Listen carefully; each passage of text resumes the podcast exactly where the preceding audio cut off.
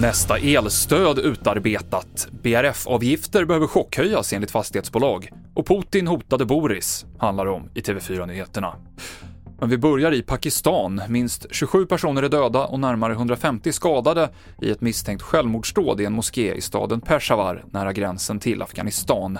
Det befaras att dödssiffran ska stiga ytterligare.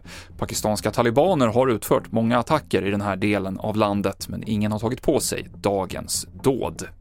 Svenska kraftnät är nu klar med elstödspaket nummer två till hushållen som gäller november och decembers förbrukning.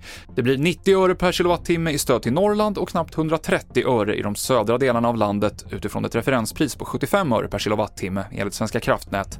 Det är oklart när de här pengarna kommer betalas ut någon gång under våren, har regeringen sagt tidigare. Bostadsrättsföreningarnas avgifter behöver höjas med 40% i snitt enligt en rapport från fastighetsbolaget Nabo.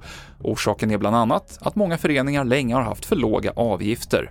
Den främsta faktorn är ju ränteläget och de ökade räntekostnaderna.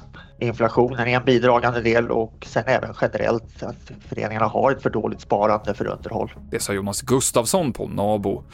Rysslands president Vladimir Putin hotade att avfyra en robot mot Storbritanniens tidigare premiärminister Boris Johnson, säger Johnson själv i en ny BBC-dokumentär. Det här hotet ska ha uttalats i ett telefonsamtal strax innan Putin beordrade den ryska invasionen av Ukraina.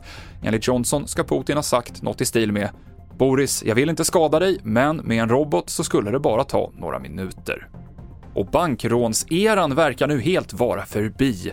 Från fyra anmälda bankrån under 2021 så blev förra året det första på 170 år då inte ett enda rapporterades enligt Brås statistik.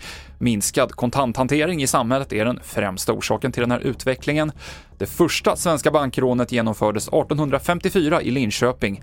Då räckte det för rånarna med att veta att nyckeln till banken var gömd på en krok ovanför dörrkarmen.